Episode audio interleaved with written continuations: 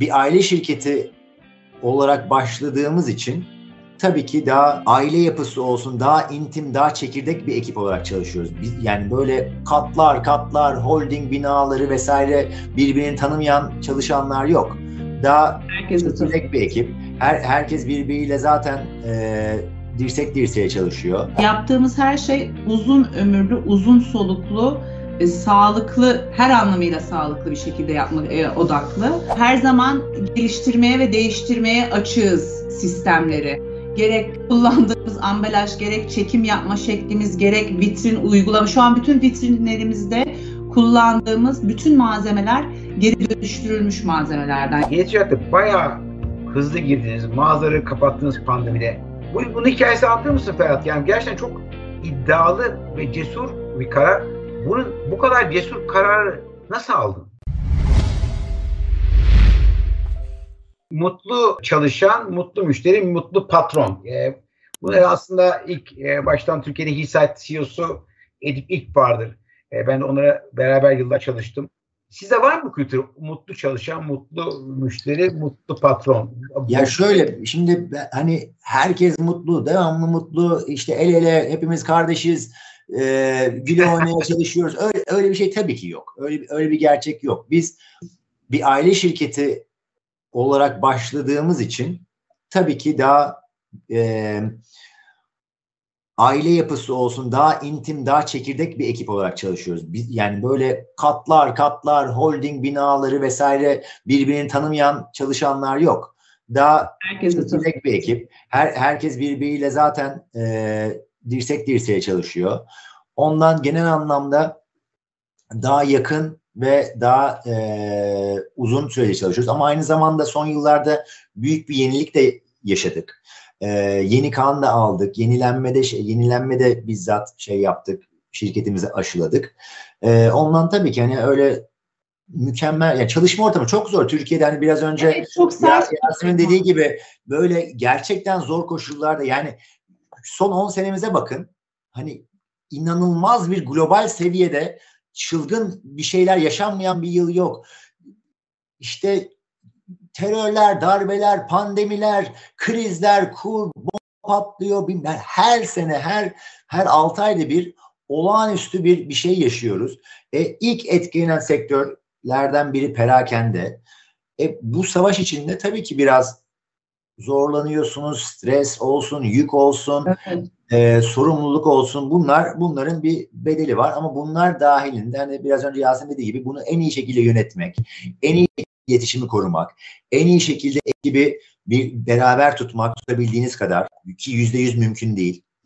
Yüzde yüz sağlıklı da değil bu arada. Çünkü bir e, sağlıklı bir yenilenme de gerekiyor şirkete.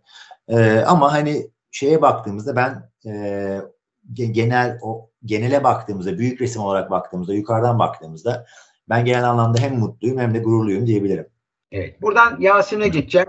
Sürdürülebilirlik diye bir konsept var. Bu çok en çok konuşulan iş değil yani iş dünyasında. Bu nasıl bunu sağlıyorsunuz? Bu konuda yaptığınız çalışmalardan bahsedebilir misin?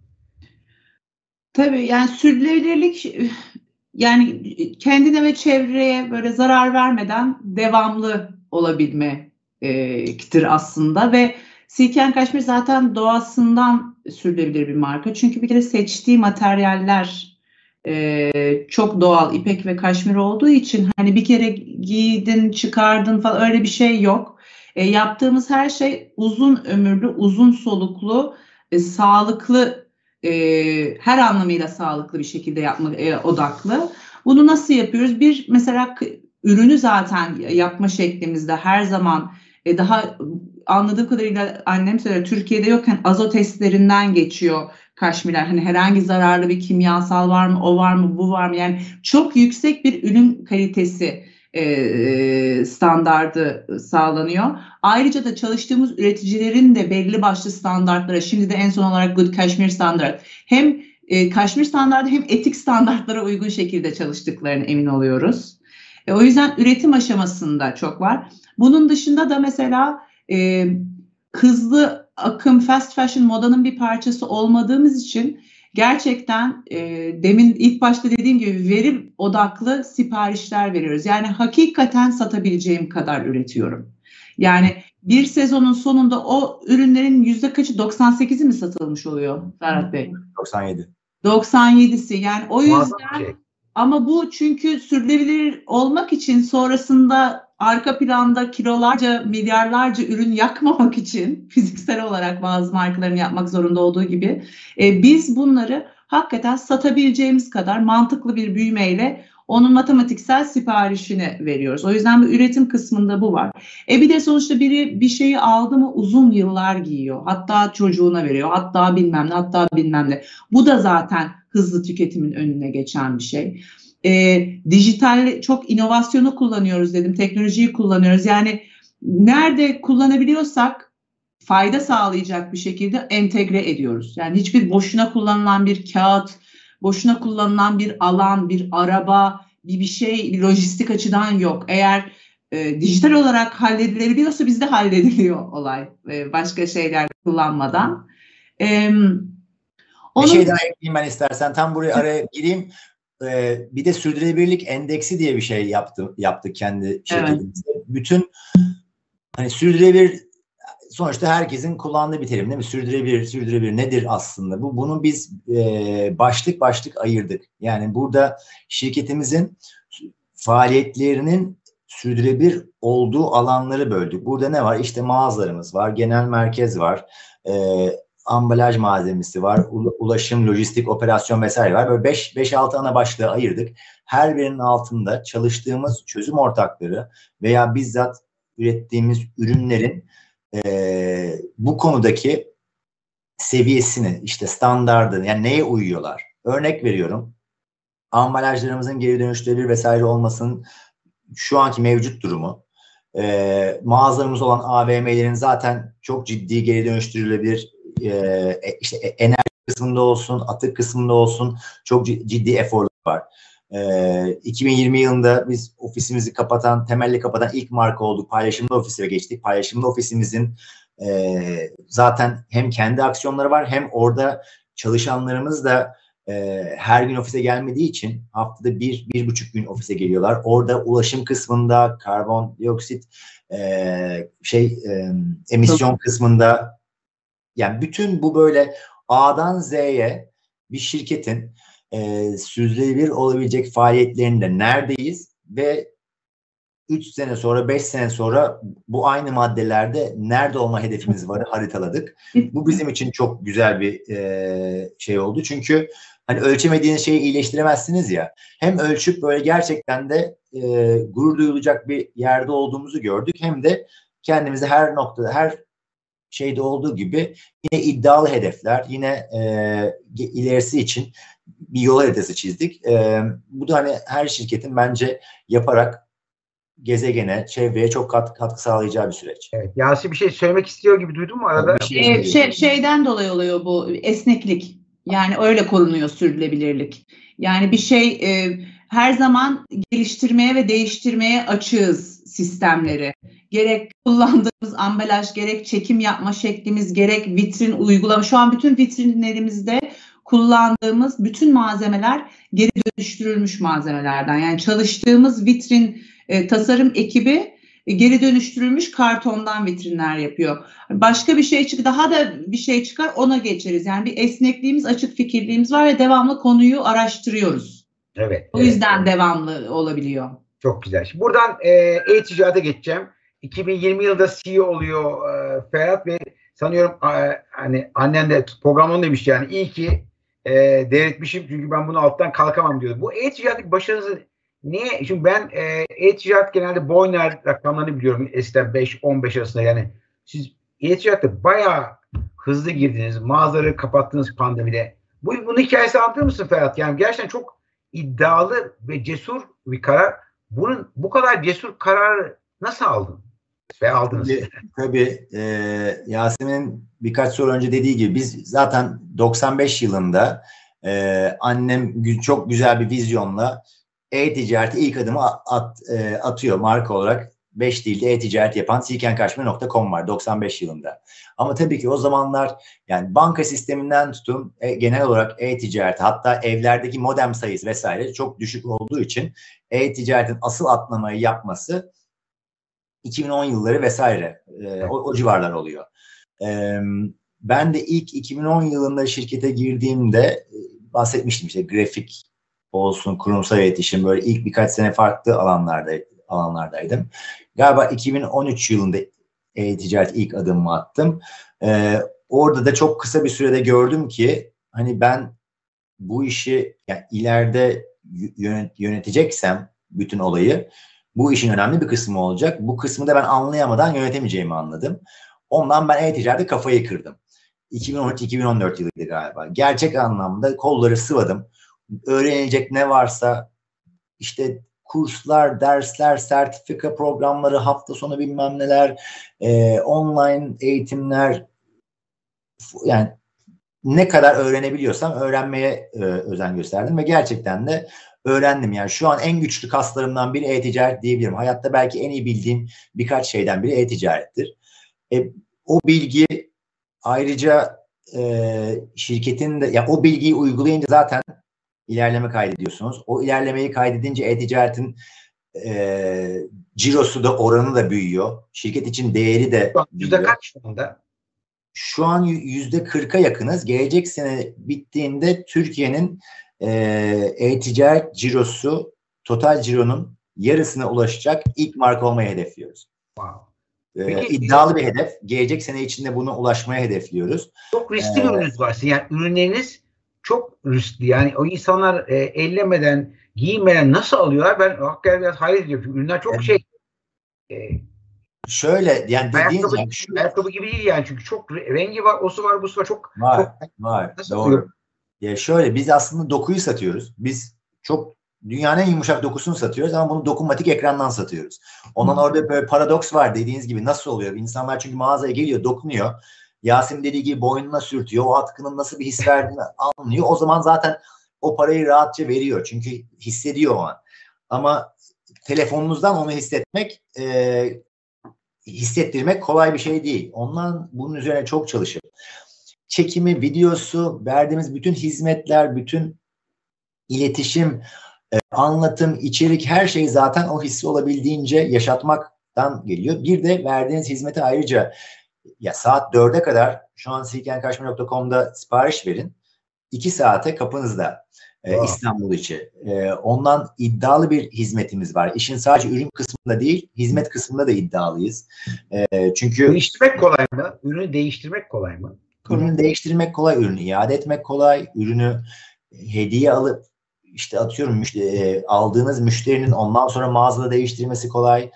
Bütün hep bütün hepsini e, sağladık. Burada da bizim bu işe erken girmemizin avantajı o e, dene, yanıl, öğren, iyileştiri erken yaşadık. Yani biz 2014, 2015, 2016 belki o yıllar ilk yani asıl büyüme ağrılarını yaşadık. Ondan sonra hani çok güzel bir şekilde büyütmeye devam ettik. E, ondan pek çok markanın son bu 2-3 sene içinde hani böyle işte kargo sorunundan patladı, oradan buradan böyle siteler çöktü bilmem ne. Bütün bunlar var ya bu e, gördüğümüz, şey yaptığımız. Ya biz onları 10 sene önce yaşadık neredeyse.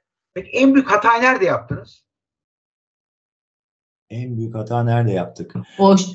En büyük hata şeyde yaptık.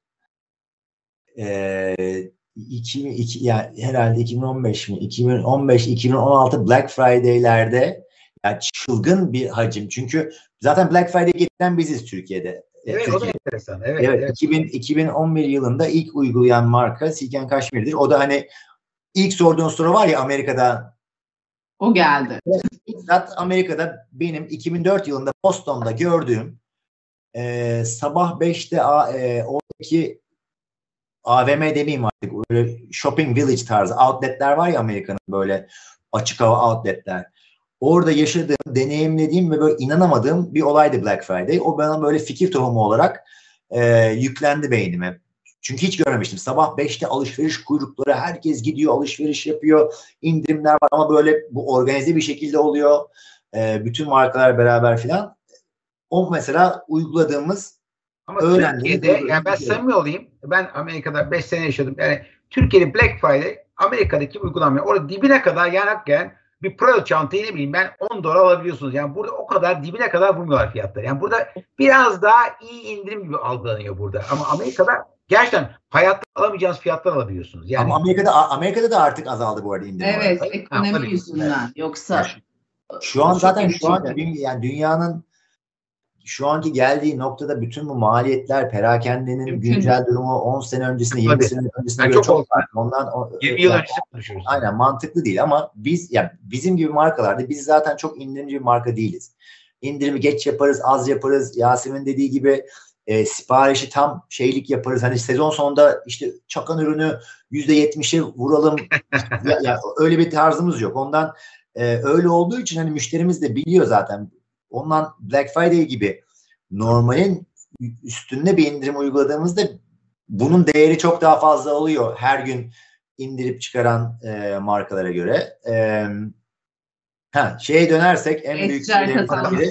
Aynen. 2015-2016 Black Friday'de e, iyi kestiremedik gelecek sipariş sayısını. E, ondan tedarikte yani tedarik edebileceğimiz ürünün şimdi a- yani tam oranı atmayayım da yani böyle belki yüzde 30-40 e, yüzde 30-40 tedarik edemediğimiz bir ürün oldu. O kadar fazla beklentimizin üstünde bir sipariş geldi. Olmayan stok. Evet, yani Önden orada, orada ondan tabii Atlar müşterilere karıştı orada. e, e, orada yani birçok müşteriden bizzat ben özür diledim o, o, o dönem.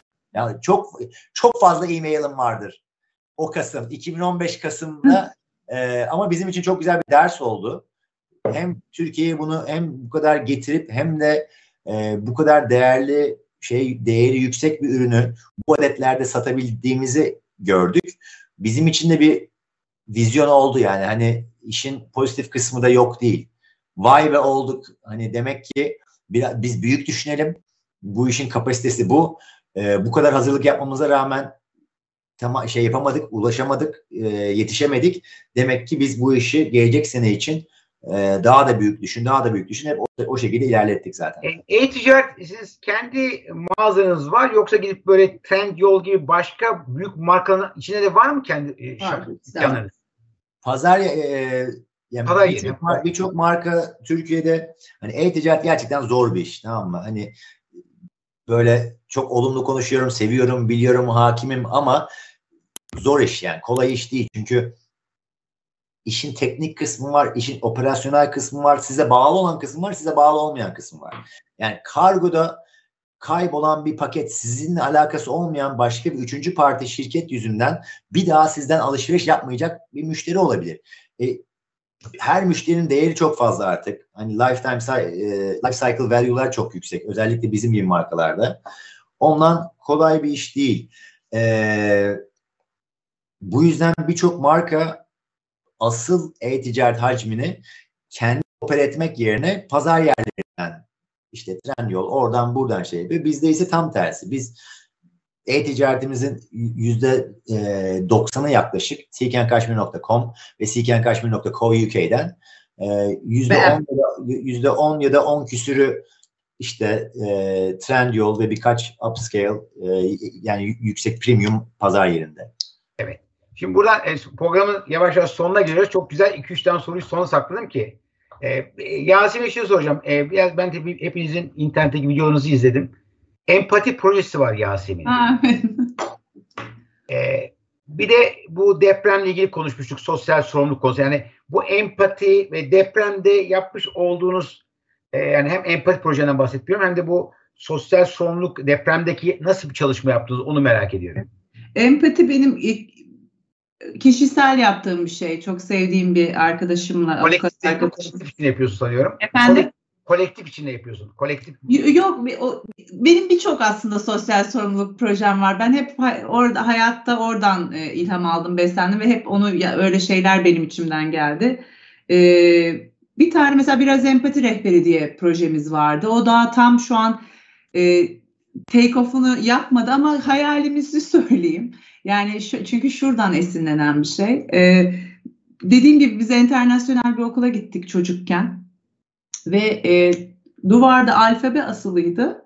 Bir de attitudes and principles diye bir şey asılıydı. Yani prensipler ve tavırlar mı? Attitudes. Evet, tavırlar aynen. Tavırlar. Ve biz alfabeyi öğrenirken aynı zamanda sağlıklı bir insan nedir onu öğrenirdik. İşte özgüven, iletişim, tolerans, empati ve ben bunu bizzat hatırlıyorum.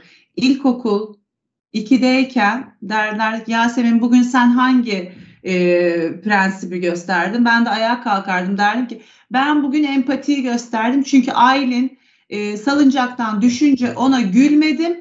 Düşündüm ki ben salıncaktan düşersem çok acırdı, çok ağlardım. Gittim ona e, yardımcı oldum. Böyle büyüdük biz ve bence bu bizim yani hayatımda aldığım en kıymetli eğitim bence o ilkokulda o e, günün içinde bu yaptığımız şeyle hani empatiyle, toleransla, anlayışla olan ilişkileri kurmak. O yüzden bizim benim bir e, arkadaşımla e, hayalim empatiyi müfredata sokmak. Yani empati hepimizin içinde var. Bu dışarı çıkarılabilir. Yurt dışında çok örnekleri var. Çok başarılı birkaç program var. Ee, ve empatiyi gerçekten ilkokul olur, ortaokul olur, lise olur, şirketlerde olur. Bir empati eğitimini herkese e, sağlamak. Bu bir hayalim. Onun tohumlarını biraz empati rehberi diye bir projeyle yaptık. Orada da nedir? Empatiyi resmen satıyoruz. Çünkü ben bir şeyi satmayı biliyorum. Hani orada empatiyi satıyoruz. Empati nedir? Nasıl gösterilir? E, ne, nasıl kullanabilirsiniz, içinizde var, nasıl dışarı çıkabilirsiniz, faydaları nedir? Böyle şeyleri konuşuyoruz. Ben gerçekten çözümün empatide olduğunu Böyle bir videonuz varsa seve seve YouTube kanalında paylaşmak isterim. Aa, var tabii tabii var. Paylaşırım çok, sizinle. Çok isterim yani çünkü çok önemli bir konu anlatması çok zor bir konu. Özellikle de şu an bu bir ara verdik o proje. Bildiğiniz gibi gündem çok hızlı değişiyor ve yani artık ta hani e, bazı şeylerden zaman kalmıyor böyle yandaki projelere odaklanmaya ama şu an özellikle böyle bir dönemde yeniden çok önemli olduğunu düşünüyorum. E, tekrardan full odaklanmak istiyorum. E, daha öncesinde e, 2015'te 1212 diye bir marka kurmuştum. O zamanlardan sürdürülebilir kelimesi TDK'da varla yok arası bir yerde. O da e, fonksiyonel kanvas çantalar. Bu da neydi? E, daha plastik e, ücretlendirilmemişti marketlerde. Al, Amerika'dan da görmüştüm bunu. Alışveriş çantaları e, sürdürülebilir alışveriş için hani tekrar yeniden kullanılabilir kanvas çantalar. Bunu da e, o zamanlar inanılmaz mülteci krizi patlamıştı. Olağanüstü. Ben de Cihangir'de yaşıyordum. Her yerde maalesef ki böyle e, çok büyük bir e, mülteci akını vardı. Orada da o kadınlar e, dikiyordu o çantaları mesela. E, gelirin bir kısmı da onlara gidiyordu. Çözüm ortağım olmuştu onlar. O yüzden her adımımda böyle şeyleri düşünürüm. Yani nasıl çözümün bir parçası olabilirim, problemin değil. Silken Kaşmir de böyle bir marka. Biz de bu deprem süresinde hemen zaten e, şey olduk, hemen ne yapıyoruz diye ertesi gün işe geldik. E, ve sürdürülebilir destek projesini hayata geçirdik. Bu da Hani tabii ki şu an yangın yanıyor. Yangını söndürmek çok önemli. İşte gerek temel ihtiyaçlar, işte çadırdır, e, yemektir, sudur vesaire ama bu bir günde çözülecek, bir haftada, bir ayda çözülecek bir sorun değil. Devamlı olarak destek sağlamak gerekiyor. Ki Silken Kaşmir bu konuda da iyidir. E, Diyarbakır'ın Kulp ilçesinde bizim e, bir İpek Şal projemiz var. 11 senedir oradaki kadınlar e, bizim için el dokuması ipek şal yapıyor. Onlarla da iş, ortağız. O yüzden yani sürdürülebilirliğin her anlamda önemini biliyoruz. Biz de bir sürdürülebilir destek projesi oluşturduk. Bunu da birkaç kategoriye böldük. Tabii ki ilki temel ihtiyaç. Ondan sonra e, ikincisi eğitim, kariyer, e, hayvanlar yani can dostlarımız ve ne, gönüllülük. Ve bütün bu olanlarda biz devamlı olarak ne yapabiliriz? Bunu perakende takvimine oturttuk. Hangi dönemde neye odaklanabiliriz? İşte şu an mesela Kadınlar Günü geliyor. Orada TEV'le e, e, kadın eğitimine yönelik e, proje yapıyoruz. E, kadın e, kız çocuklarına burs sağlıyoruz. Öncesinde şimdi bu geçtiğimiz ayda Birleşmiş Marka Derneği ile bir ortak çalışıp e, konteyner'a destek olduk. E, Toplum Gönülleri Vakfı ile onlara e, destek olduk satışlarımızdan. Akabinde sonrasında mesela Nisan'da çocuklara odaklı projeler yapacağız. İşte e, her zaman böyle perakende takvimimize işleri. Aynen yani şu an yardım ettim, su yolladım, çadır yolladım değil. Ben bir marka olarak nasıl 365 gün sorumlu bir şekilde hareket edebilirim ve davranabilirim. Evet süper. E, e, işle ilgili Ferhat'a son sorum şu olacak. En iki soruyu birleştireceğim. Metaverse konusu. Bir de değişim ve yenileme nasıl yönetilme? Yani Metaverse aslında bu değişim parçası olarak düşündüğüm için yani iki soruyu bir araya getirdim. Nasıl istersen öyle anlat. Tamam. Metaverse'e ben yapay zekayı da ekleyeyim. Çünkü eğer yeni teknoloji ve değişim konuşuyorsak günümüzün en önemli e, konusu o. Metaverse geçen sene e, yani hepimizin konuştuğu gelecek burada nasıl aksiyon alacağız, nasıl dahil olacağız? Bir kere Metaverse nedir? Nereye gidecek, nasıl uygulaması olacak? Hepimizin böyle ortak konuştuğu sorulardı. Ee, biz yine işte internet örneğinde de olduğu gibi öncü olmak, bu konuda erkenden davranmak e, hep inandığımız yaklaşım şekli olduğu için bu or, burada da öyle ilerledik. Hatta 30. yılımızın e, kutlamasının şeyini e, kutlamasının bir kısmını orada yaptık. Hem canlı bir aktivitemiz vardı, bir davetimiz vardı. Hem Metaverse'de bir zaman tüneli vardı, aynı zamanda canlı yayın vardı vesaire. E, orada bir öncülük yaptık. Onun dışında yapay zeka kısmına gelirsek yapay zeka hani Metaverse bir yenilik ve e, izleyeceğiz, öğreneceğiz nereye gittiğini hep beraber bunu göreceğiz. Ama yapay zeka bence çok daha elle tutulur ve çok daha net bir devrim. Yani 2023 yılı e, ben inanıyorum ki internetin hayatımıza girdiği yıl kadar büyük bir değişim olacak. Bütün sektörler için, bütün departmanlar için. E, bu işte Aralık ayında ChatGPT'nin ChatGPT 3 3'ün çıkmasıyla başladı. Ondan sonra işte Mid Journey'ler bütün bu kullanımları böyle izle izlerken bir denerken bir yandan kafayı yaktık.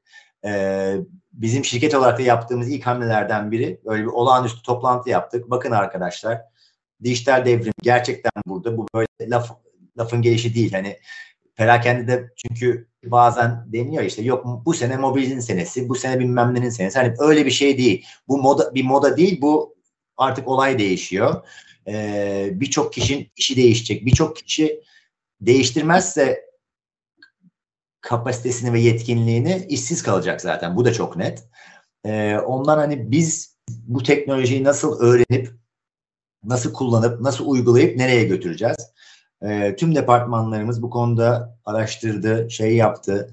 Ee, ben de zaten bununla yatıp bununla kalktığım için ben de yön gösterme konusunda e, destek olabildim.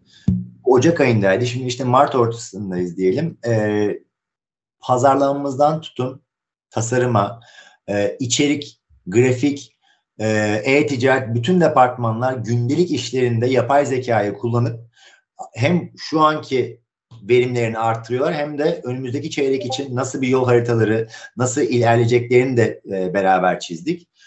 Ondan e, bu teknolojilerde, bu değişimlerde öncü olmaya çok önem veriyorum. Onun dışında da değişim yönetmek gerçekten bir şey, e, iş hayatında böyle özellikle böyle bir ülkede olmazsa olmaz bir şey. Her şey devamlı değişiyor. Hayatınız değişiyor, ülke değişiyor, ekonomi değişiyor, piyasa değişiyor, politika değişiyor vesaire. E, burada şirketiniz de sabit kalmıyor. Şirketinizde de bir sürü değiş, değişen hep var. Ondan e, liderler olarak bütün bu değişim arasında e, iletişimi güçlü tutmak, işte hedef odağını güçlü tut, tutmak. Çünkü bu kadar etken varken odak da kaybolabiliyor. Rota değişebiliyor. Hani biraz önce bahsetmiştim ya işte CEO'luk sorusunda A'dan B'ye gemiyi götürmek fırtınada. E, o rota kaybolabiliyor. O düz bir çizgi yerine sağ sol sağ sol akıntı, dalga, e, işte füze ne geliyor artık karşınıza bütün onları e, atlatarak şirketinizi en güvenilir şekilde ileri götürmek var. Ondan hani değişim ne kadar önce ne kadar önce baş bu değişim ne kadar önce başlıyor yani ben ne, yani bunu e, iki sene, üç sene yani nasıl planlıyorsunuz onu? O, yani bu başladı yani. Ben takip edemeyeceğim. Aşırı Hangi kısmı diyoruz şu an? Hangi AI. kısmı demek istediniz? AI galiba. Yapay zeka mı diyorsunuz yoksa genel herhangi bir hayır e, kurumunuzda herhangi bir değişim ve dönüşümü ne kadar önce planlayıp öncesinde planlayıp onu hayata geçiyorsunuz? Yani öyle bir onu merak ettim yani metodolojik anlamda çünkü birçok şey yapıyorsunuz ya Bunlar evet. çok ufak başlayıp yavaş yavaş mı normal hayat e, normal normal Keşke, normal ama yok çünkü gündem o kadar hızlı değişebiliyor e, ve o kadar dünyada bir anda bir şeyler olabiliyor ki e, çok hızlı bazen tepki e, göstermemiz gerekiyor. Mesela bu e, pandemi döneminde e, aldığımız kararlar belki normalde bir marka 3 yıl belki buna hazırlanırdı. Biz 3 haftada verdik o kararları. O yüzden e, güne ve gündeme göre değişebiliyor bazen. Ama mesela, Metaverse mesela e, kaç yılında e, Seek Kaşmir parça olur sizce? Yani öyle bir e, şeyiniz var mı? Koymuş olduğunuz bir hedef var mı? Metaverse dünyasında yer alacak Seek Kaşmir diye. Şöyle şimdi şimdi Metaverse mesela Metaverse bence çok güzel bir örnek. Çünkü eee internet gibi. internet ilk baş mesela 95'li site yaptık. 95'teki site ilk 5 sene Ciro'nun ne kadarını yaptı? Değiyor muydu? Ee, anlamlı mıydı? Değildi. Ama şu an bizim oran olarak ülkede liderlerden biri olmamızın e, en büyük faktörlerinden biri o. Biz çünkü o yani biz 20 yıldır e-ticaret konuşuyoruz hayatımızda var. Ondan Metaverse şu an bizim hayatımızda çok önemli bir şey olmayabilir. Yani şu anlamda gündelik hayatımız, gündelik işleyiş, gündelik şeydi ama e, Metaverse çok daha önemli olduğu noktada bizim altyapımız, bizim attığımız adımlar diğer rekabete göre çok daha ileride olacak. Bizim için çok daha kolay olacak. Yani şey gibi düşünün. Kas hafızası gibi. Hani spor yaptıktan bir, bir kas çalıştırdıktan sonra o kasa biraz ara verseniz bile ileride o kasın önemli olduğu zaman da tekrar çalıştırmanız gerektiğinde kas hafızası sizi çok daha hızlı olmanız gereken yere getiriyor. O da öyle bir şey ama mesela yapay zekadakini öyle görmüyorum. Yapay zekada 2023 yılı devrimdir, milattır. Hepimizin hayatı değişir. Türkiye, dünya, bütün şirketler, pozisyonlar, bütün departmanlar, çok az şirket veya çok az kişi yapay zeka tarafından etkilenmeyecek. Hepimizin şeyi sonsuza dek değişti. Ee, bunu ne kadar fa- hızlı fark etmek tek fark aramızda. Yani yani şey hepimiz için diyorum. Şu anda kullanıyor, yapay zeka kullanıyor musunuz firmanızda? Evet, vitrindeki şu görsel an, şu an yapay zeka. Şu an evet. Şu, evet. Bütün vitrinlerimizdeki ana görsel, bütün reklam kampanyalarımızda şu an online ve offline ana görsel yapay zekada üretildi. Bir ana şey, görsel öyle, içerik bir öyle. leopar kaşmir kazak giyiyor. Hmm. Yani görselimiz öyle, iç, içeriğimiz öyle, iletişimimiz öyle e, ürün açıklamalarından tutun yani düşünebileceğiniz şu an şey. metin veya içeriğin çoğunluğu öyle e, onun onun dışında da e, bu yaz için yani bu yaz için planlıyoruz. Olmazsa en fazla sonbahara sarkacak.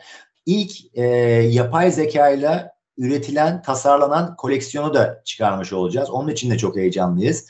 Yani bu böyle bizim hayatımızda bir e, hepimizin hayatında bir milat olacağından şüphem yok. Süper. Ondan, Şimdi ha, evet. programın sonuna gelip iki tane sorum olacak ikinize de. Ee, bir tane bir tanesi birinci soru şu basit soru aslında. Annenizin en çok hangi yönünü e, kopyalıyorsunuz veya rol model alıyorsunuz? İkinci soru ise siz bugün bir danışman olsaydınız aile şirketlerine devir konusunda ne önerirdiniz? İki tane soruyla programı bitireceğim. Ladies first yapalım başladığımız gibi. Evet, evet, evet, evet. Annemin yaşam sevinci. Yani bir insan hayatının her evresinde mi bu kadar hayata sarılır ve kendini yeniler? Hep bir yeni bir e, ilgi alanı olabiliyor, zevki olabiliyor. Yunanca şu an neredeyse konuşabilmek üzere e, resim yapıyor. Yani hani hayatta varoluş şeklini ben çok e, örnek alıyorum. Dolu dolu yaşamayı, yaşamanın değerini bilen bir insan. Evet. Twitter'da çok aktif. Twitter'da her gün takip ediyorum. LinkedIn'de de. LinkedIn'de fenomen, doğru. fenomen. Ailenin fenomeni. evet. E, e, istersen e, sen Ferhat cevap ver. Annenle ilgili sonra en son yani, tamam. Tamam. Ben ben ya e, kardeşim hani özel hayatı veya e, özellik olarak cevapladı. Ben iş hayatında cevaplayayım. Tamam. Denge, daha dengeli olur. İş hayatında ben onun e, yani çözüm insanıdır. Annem bir kere böyle şikayet ettiğini duymadım. Bir kere mızmızladığını duymadım. bir kere ay şöyle oldu, ay bilmem ne, ah ne zor şartlar, ah işte ya keşke daha kolay bir ülke, hayır bilmem ya bir kere duymadım. Durum oluyorsa okey bu durum oldu, malzeme bu, nasıl çözüyoruz? Durum sonuç, durum sonuç veya ne yapılacaksa yol haritası, aksiyon, çözüm hani o e, o yönü bana aşıladı veya yani öğrendim diyeyim artık ne yaptıysam aynaladım mı diyeyim hani çok hatırlamıyorum böyle re, resmi bir eğitim olarak hatırlamıyorum. Oğlum bak hayatta zorluklar olacak iş hayatı devamlı kaos dolu kaos olduğunda panik yapma çok sakin bir şekilde olayı analiz et. Ondan sonra A, B, C çözümleri hani böyle bir eğitim verdiğini hatırlamıyorum ama izleyerek, öğrenerek e, benim aldığım en değerli şey o. Şu an gerçekten ben beni e, strese sokacak ne yapacağız, ne edeceğiz dedirttirecek bir durum olabileceğini düşünmüyorum artık. Yani nasır nasırlaştı böyle o o o o şeyler kaslarım veya şeylerim. Ondan o çok değerli bir şey oldu benim için. Hiç karışmadan kenarda durması muazzam bir şey bence. Hiç karışmadan evet, kenarda hiç. muazzam bir şey bence. Gerektiğinde ona bu arada hep hep şeyde yapar hani karı, karışmama buradayım der. Buradayım istediğin zaman destek, danışmanlık onu da her zaman sunar. O da tabii çok değerli çünkü ee, hani ben ne kadar böyle kafama koyduğum şeyi uygulasam da e, böyle ben de çok şeyimdir. Hedef odaklıdır. Hedef odaklıyımdır. Bir şey yapacağım mı kafama koyduğumu yaparım. Kimse tutamaz beni. Hiçbir şart, hiç ne olursa dünya şey yapsa da ben oraya giderim. E, o sonuca bir şekilde ulaşırım ama onun orada olduğunu bilmek gerektiğine danışabilmek de çok büyük avantaj tabii. Evet. O zaman son soru şey. Aile şirketlerine danışmanlık yapsanız ne yapma yani ne önerirsiniz? Yani bunlar yani bu devir teslim olayı yani her aile uymadığı kesin. Yani bu konuda yani TIO diyelim akıl diyelim de ne, ne önerirsiniz? Burada Ferhat Bey başlasın. Yasin bir şey mi diyecek? Kaç git koçum yol kısayken yol, yol kısayken kaç git. Ee, yok yok. Ya hayır bu arada başta dediğimiz gibi tabii ki çok zor. Evet. Çok zor aile şirketleri var. Bu bir yalan değil. Çünkü e, aile işin içinde eğer kişilikler böyle e, esnek işte empati e, birbiriyle böyle ortak çalışabilen yapılar, kişilikler değilse tabii ki zor. O zaman belki de kaç. Eğer öyle bir şey içindeysen kaç demek kötü bir şey değil bence. Ee, öneri değil ama ben iki taraflı şey yaparım. Birinci nesile e, hani Türkiye'de böyle bir koltuk sevdası işte neredeyse insan yani böyle hep politikada da şeyde de böyle dinozorlar bilmem vermiyor yok şey o öyle bir olay var ya yani biraz bunu kabullenelim ve daha erken e, daha böyle karşı tarafı zorlamayan bir zaman zamanlamayla bunu yapalım ve karşı şey karşı taraf dediğim bu arada ikinci nesil karşı değil aslında. İkinci nesile biraz daha şans tanıyarak tabii ki onlar hata yapacak ya da öğrenme süreçleri olacak ama zamana yaydığımızda ben mesela kendim için konuşayım.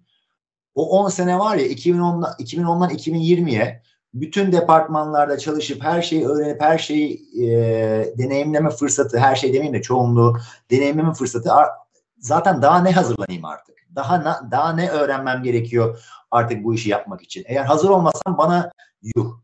Evet, Ondan... bir de şu var tabii çocuklar istemesin. Bazen de çocuklar istemiyor gerçekten. Annenin babanın yaptığı işi cazip bulmuyor. O da olabilir yani.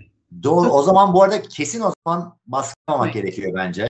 Yani bizim hayatımızda baskı baskı olmamasının e, böyle isteyerek tutkulu şekilde çalışmamızın önemli bir nedenidir bu baskı yaşamamış olmamız. Eğer küçüklükten beri bunu yapacaksın, bunu edeceksin, mezun olup döneceksin, başına geçecek. Eğer öyle bir şey olsa belki farklı bir hani etki tepki olur. Ee, birinci nesile onu söylerdim. İkinci nesile de e, işin her açısını veya olabildiğince her açısını deneyimlemek. Yani böyle direkt üniversiteden mezun olup gelip böyle patron koltuğuna oturup da başarılı olmak bilmiyorum ne kadar mümkün olur. Ben onu çok böyle sağlıklı ya da normal bulmuyorum. Biraz e, biraz da değil. Bayağı bir farklı pozisyonlarda çalışıp, görüp, sorunları yaşayıp, o deneyim, o bakış açısına hakim olup e, ondan sonra bu görevi hak etmeyi öneririm. Hak etmeden o göreve gelmek e, ne o kişiye, ne ikinci nesile, ne birinci nesile, ne de şirket şirketin geri kalan hissedarlarına olsun, çalışanlarına olsun kimseye çok bir faydası yok. Evet. Yasemin sen ne düşünüyorsun bu konuda? Çok- Eklemek istemiş var mı? Çok katılıyorum dediklerine. Ee, bir de ilk başta hani dediğim gibi o aile oluşunu profesyonellikten ayırmak ve orada bir sen önce aile demek çok önemli diyebiliyorsanız. Ee, ben de bir iki şey ekleyebilirim buna. Yani e, dinozor e, şeyine katılıyorum. Aynı şekilde de işte 20 diyelim üniversiteden mezun oldun, girdin aile şirketine. Şimdi ne bu kişi böyle bir anda 23 yaşında yönetim kurulunun koltuğunda oturmalı? Ee, ve yani kendi yapmamalı. Bir de o kişinin yönetici olduğunu bildiği varsayılmamalı sadece aileden geliyor diye. Yani kimse yönetici olmayı bilerek doğmuyor. Yönetici olmayı öğreniyorsun.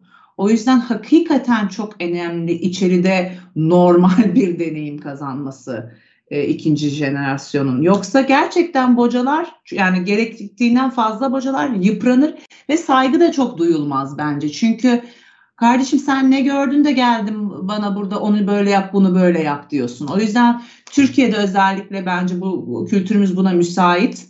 Hem e, patron koltuğunu vermeyenler hem de çok erken bir anda herkesi yöneten çocuklar. E, o yüzden bunun sağlıklı olduğunu düşünüyorum. Bir de hakikaten yani e, her konuda bu evlilikte de öyle, aile işlerinde de öyle bence bilmiyorum. Yani ben sizin için saçımı süpürge ettim, hayatımdan vazgeçtim, sizi nefret ede ede bir şey yapıyorsanız yani yapmamanız gerekiyor. Tabii ki hayatta bazı insanlar bazı şeylere mecbur kalıyor ama eğer gerçekten kimse ölmeyecekse ve yani dünyanın sonu gelmeyecekse kesinlikle nefret ede ede aile işi yapılmamalı. Düşmanlık doğar. En önemli şey olan aile sevgisi mahvolur ve yani değer mi böyle bir şeye? O yüzden yani kimse mecbur değil. Evet. Ben e, program kapatırken analizden gelen mesajı okumak istiyorum. Bir mesaj. Şöyle diyor. Onlara diyor böyle bir ekonomide, böyle bir konjektürde, böyle bir coğrafyada, üstelik dünyanın her yerinde, her şekilde uluslararası bambaşka yerler, şeylerde çok başarılı olabilecekleri halde 12 yıldır Silken Kaşmir'i sahiplendikleri ve 3 yıldır başarıyla yönettikleri için müteşekkirim diye Hı. bir mesaj bana iletti. E, ben de programda söylemek istedim. Çok sıcak ve güzeldi. Bence her şeyi özetleyen mesajdı. Ben çok teşekkür ediyorum. Teşekkür. Çok Biz de ona teşekkür- teşekkür ediyoruz. Ben de Evet. ben ya ben de ona hep sö- söylerim. O ya dediği gibi e, zaman zor, şey ülke zor, her şey zor ama tabii ki aynı zamanda bizim için de çok büyük bir fırsat, büyük bir şans. E, evet başka şeyler de yapabilirdik. İleride başka şeyler de yapabiliriz. Ama e, son geçtiğimiz 10-12 yıldır neyse e, bunu yapmaktan da büyük zevk aldık. Bütün zorluklarda be- e, beraber kenetlenmek, çözüme doğru şey yapmak, ilerlemek, savaşmak, beraber savaşmak bu da bu da ayrı bir şey. O- oradan e, öğrendiğiniz şeyler, dersler, oradaki birikiminiz de hayatının zaten e, geri kalanı boyunca da hem e, çok sizin için değerli anılar olarak kalacak hem de çok büyük kazanım yani başka her yerde de uygulayabileceğiniz dersler. Ondan biz de zaten ona hep e, kendimizi şanslı hissettiğimizi ve ona teşekkür ettiğimizi söylüyoruz. Evet buradan da kayıda geçmiş oldu. Bir buçuk saattir beraberiz zaten. Ne, ne kadar sürerdi? Normalde e, 60 dakika o kadar güzel gitti ki ben de kesmek istemedim. Sağ Ben çok teşekkür ediyorum Yasemin ve. Ferhat'a e, e, programda katıldığınız için. Evet e, bir programın daha sonuna geldik. Taner Özdeş Akademi YouTube kanalının e, bir sonraki söyleşte görüşmek üzere. Abone olmayı unutmayın. Herkese iyi akşamlar.